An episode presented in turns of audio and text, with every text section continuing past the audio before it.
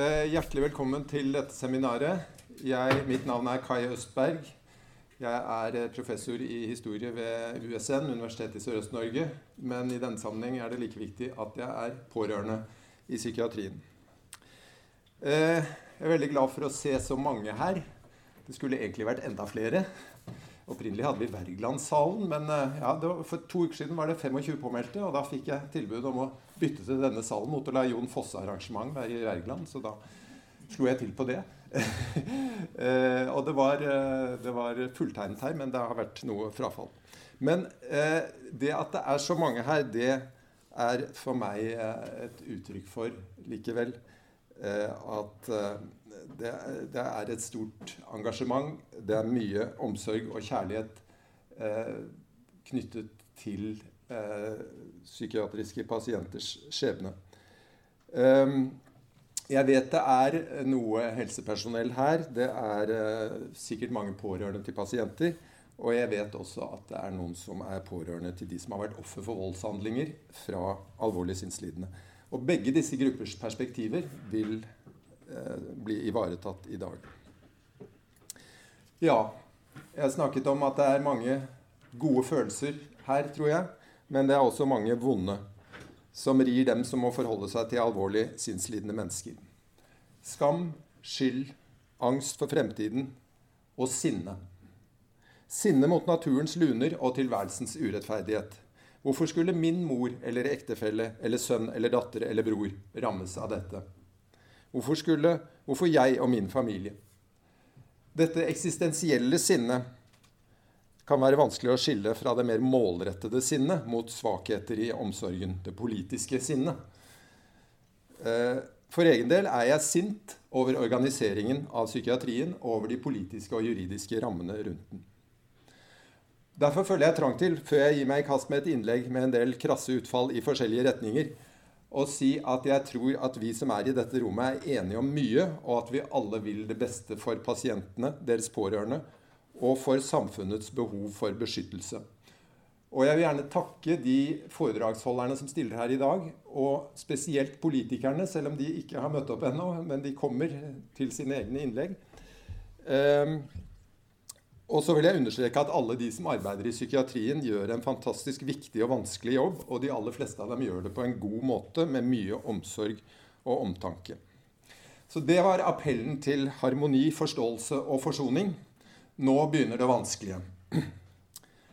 Jeg har en datter som er flink til å spille fiolin og tegne, og som kan framsi lange dikt utenat. Hun nyter god mat og drikke og lange svømmeturer i sjøen. Hun er glad i barn og dyr og sine søsken og sin 92 år gamle bestemor. Hun elsker å ta på seg bunaden for å gå i familieselskap. Men hun er også så alvorlig rammet av psykisk lidelse og av utagerende ustabil atferd at hun i flere år har vært holdt innesperret på psykiatrisk avdeling 24 timer i døgnet nesten hele uka. Unntaket er stort sett når vi, hennes foreldre, tar henne med ut en eller to ganger i uken. Det gjør vi ikke uten risiko, naturligvis. Det hender vi må ha hjelp av politiet. Og jeg har snakket med mange politifolk etter hvert om denne situasjonen. Men stort sett går det bra. Selv vil hun intet annet enn å slippe ut av sitt fangenskap, hvor hun sitter under et sikkerhetsregime som ellers er forbeholdt landets farligste kriminelle, uten at hun noen gang har begått handlinger som kan måle seg med disses. Jeg ville neppe interessert meg for psykiatripolitikk, for nedbyggingen av døgnplasser og synet på tvangsbruk, hvis jeg ikke hadde hatt dette utgangspunktet. Jeg kunne tenkt meg en annen hobby. Men Likevel, det er interessant. Jeg engasjerer meg, og det, det, aktualiserer grunnleggende spørsmål både om politikk og hva slags samfunn vi skal ha, hva det vil si å være menneske. Og Derfor engasjerer jeg meg også som alminnelig borger. Og en alminnelig borger som tilfeldigvis også er historiker, med interesse for politiske ideologier. Da er det nærliggende å begynne med å tematisere de utopiske ideer jeg mener ligger til grunn for de siste tiårenes psykiatripolitikk. Og jeg vil sammenfatte dem under begrepet 'den distriktspsykiatriske utopi'.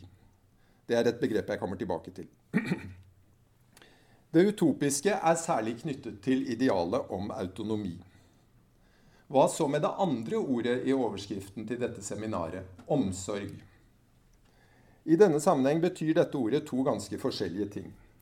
Det betyr omsorg, eh, både, både, omsorg for den enkelte pasient og omsorg for samfunnet som kan trenge beskyttelse mot denne pasienten. Så hvorfor har vi sammenstilt omsorgsaspektet ved behandlingen av alvorlig psykisk syke på den ene side og samfunnsvernet på den andre? Um, disse to tingene bør ses i sammenheng. Jeg mener dagens psykiatripolitikk bygger på en undervurdering av alvorlighetsgraden i tunge psykiatriske lidelser. Undervurderingen er årsak både til det utilstrekkelige tilbudet til de dårligste pasientene, og til at allmennheten ikke gis god nok beskyttelse til de av disse pasientene som kan være farlige. Dette er sammenhengen mellom de to formene for omsorg. Men det er mer. For det er omsorg for en alvorlig sinnslidende pasient det dreier seg ikke bare om å beskytte vedkommende mot selvdestruktivitet og selvmordsimpulser. Det dreier seg også om å beskytte pasienten mot å begå handlinger som ødelegger andres liv, og dermed også pasientens eget liv, i form av en uopprettelig skyld.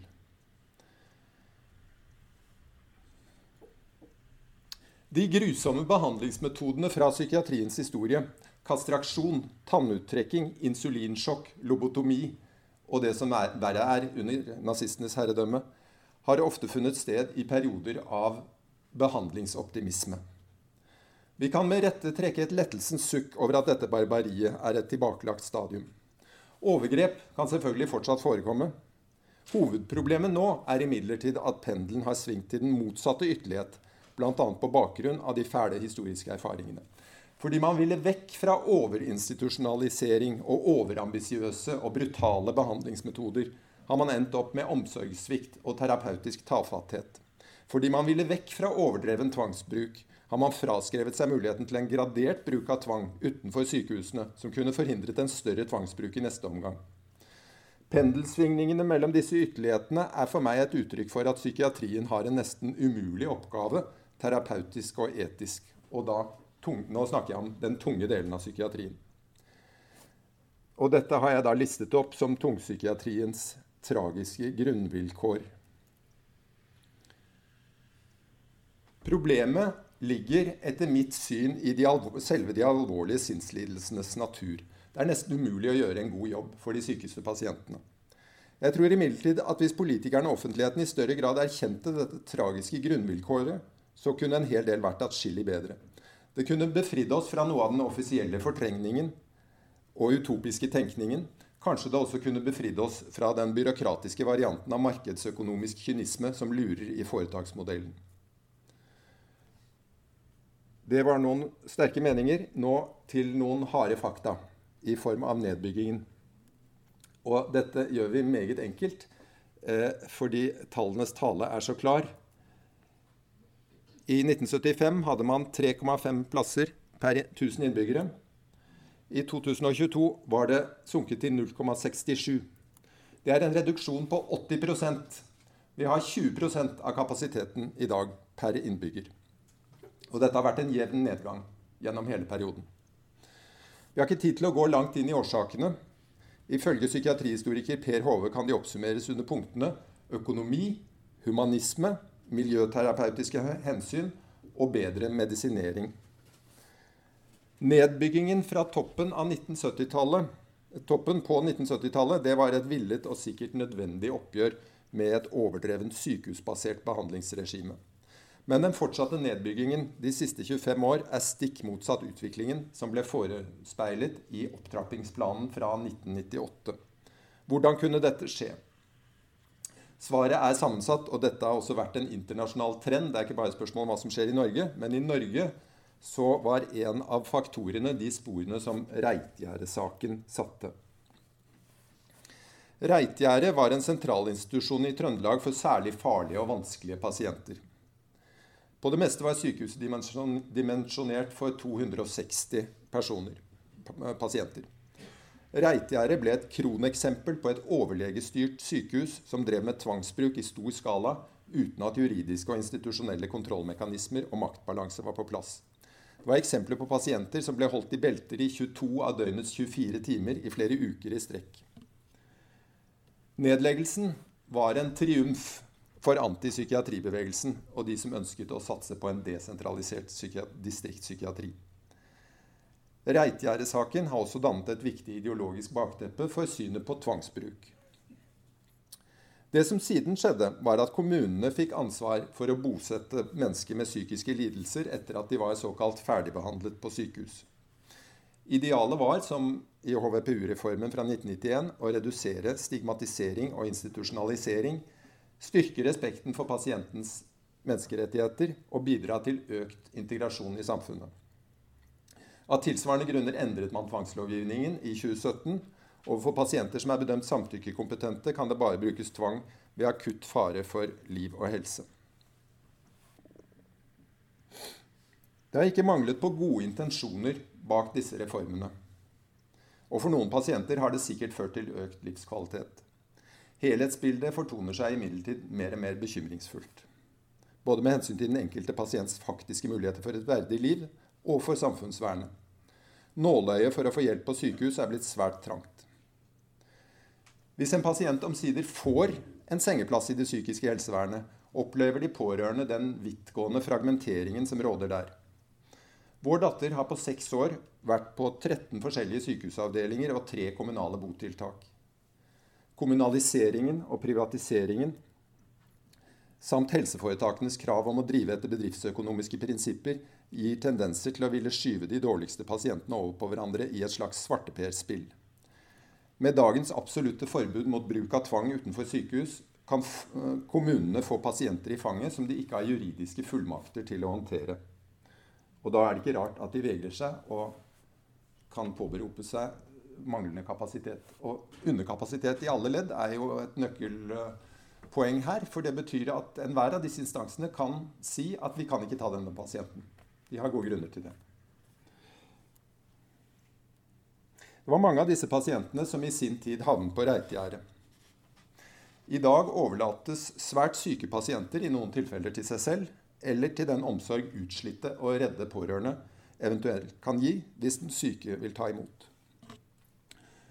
Motsatt fører fraværet av et langtids sykehustilbud for de sykeste til at de i verste fall oppbevares i sikkerhetsavdelinger i årevis, under boforhold som ikke er tenkt for langvarige opphold. For enkelte så har lovgivernes intensjoner om mer frihet, verdighet og samtykke i praksis ført til mer innesperring enn om man hadde tillatt en gradert bruk av tvang i egnede institusjoner eller boliger. Min datter hadde opplevd flere mislykkede forsøk på bosetting i regi av kommunen, de var mislykkede fordi hun var for utagerende.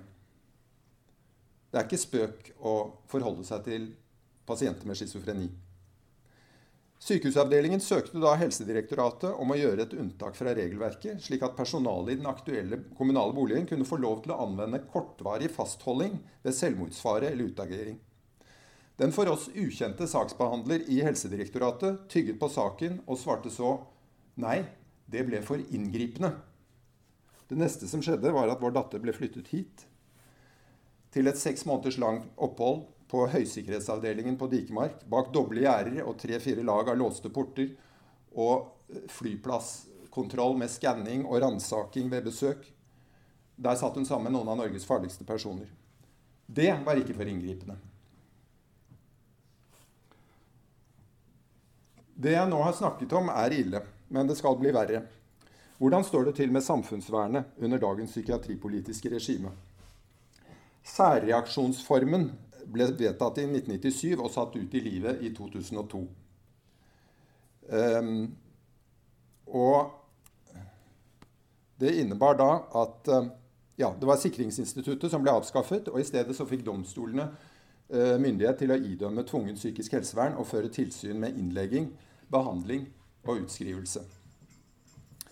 Denne muligheten blir benyttet i stadig større grad. For sinnslidende i Norge i dag så består den sikreste inngangsbilletten til psykiatrien i at man begår en alvorlig voldshandling og dømmes for den.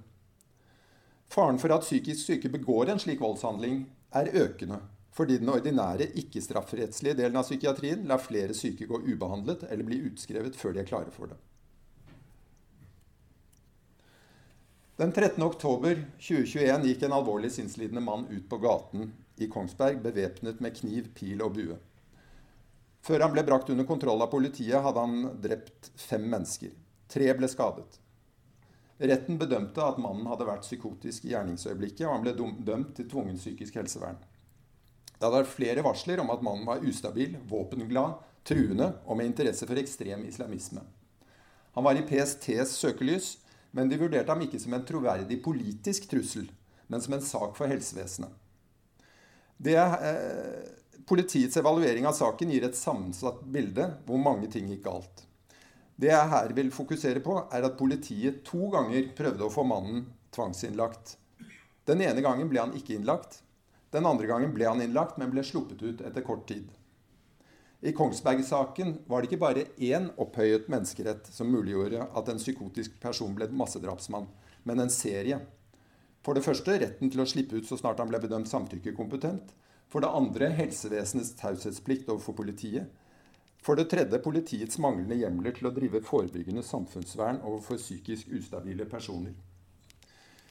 Og dette er da også en del av politiets evaluering, hvor de fastslår rett og slett at det er ikke noen som har ansvar for å følge opp disse personene. Så hvis man dreper noen fordi man er psykisk syk, så uh, er det langt mindre kontroll med det enn hvis man gjør det av politisk galskap, så å si.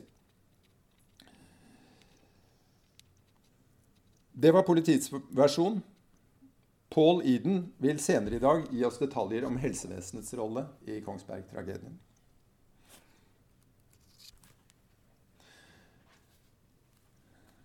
Den 1.8.2022 ble et eldre ektepar på Otta drept av en mann i 40-årene som tidligere hadde vært langtidsinnlagt på en lokal psyk psykiatrisk institusjon. Denne ble nedlagt, og han ble siden boende i området.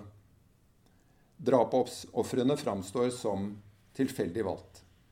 De psykiatrisk sakkyndige konkluderte med at mannen var utilregnelig i gjerningsøyeblikket. En nullvisjon for hendelser av den type jeg har nevnt, og jeg kunne listet opp flere, selvfølgelig, det ville være en skadelig utopi. Fordi forsøkene på å nå dit ville ha en altfor høy pris.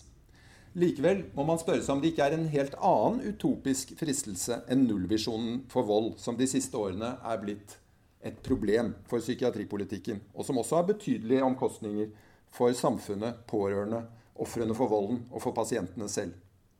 I verste fall blir de drapspersoner, eller de tar livet av seg. Eller de blir drept av politiet i forbindelse med utrykning. Det er også noe å merke seg. Det har vært flere episoder av.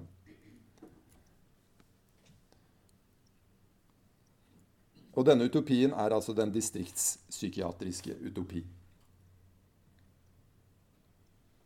Jeg håper dere på bakerste benk også ser. Ja. For da leser jeg ikke disse powerpointene, som jo er ganske korte. Etter tragedier av den typen jeg har nevnt, ser vi regelmessig en oppblussing av den offentlige debatten om psykiatriens vilkår i Norge. Fagfolk advarer gjerne mot å stigmatisere psykisk syke, og det gjør de med rette. Men i farten begår man ikke så sjelden den feil å underspille den reelle risikoen. Her opererer man altså med et tall med en sannsynlighet om 1 til 1 million for å bli drept av en med en alvorlig psykisk lidelse. Hvordan man her har regnet, eh, hvis man overhodet har regnet, er en gåte. Kongsberg-drapene alene førte til at tallet 1 til 1 million var oppnådd for Norges befolkning i løpet av de få minuttene drapene skjedde. Det var fem personer som ble drept. I politiets trusselvurdering fra 2021 opereres det med helt andre tall. Eh, når det gjelder anmeldte drap og drapsforsøk, så er det da en betydelig andel gjerningspersoner som knyttes til uh, psykisk sykdom i en eller annen form. Nemlig 30-40% Og politiet knytter dette bl.a. til reduksjon til nedbyggingen og til endring i tvangslovgivningen. Og eh, antallet psykiatrioppdrag har altså økt drastisk de siste årene. Politiets rapporter er ingen ufeilbarlig kilde. Men faktum er, at, og det har jeg da selv opplevd, at det er politiet som i stadig større grad, på gatene og i folks hjem, må gripe inn for å plukke opp restene etter den ideologiske og økonomisk styrte liberaliseringen av psykiatripolitikken. Synet på psykiatrien og dens historie vil alltid være ideologisk farget og dermed gjenstand for legitim meningsbrytning i et demokrati. Mitt bidrag her har bestått i en ideologikritikk. Jeg har holdt fram psykiatriens tragiske grunnvilkår som en medisin mot virkelighetsfjerne forestillinger om den autonomi og samfunnsmessig integrasjon som kan oppnås for de sykeste pasientene. Dette er psykiatri, psykiatripolitiske forestillinger, eller vrangforestillinger, som har gitt en del resultater som står i direkte motsetning til de gode intensjonene.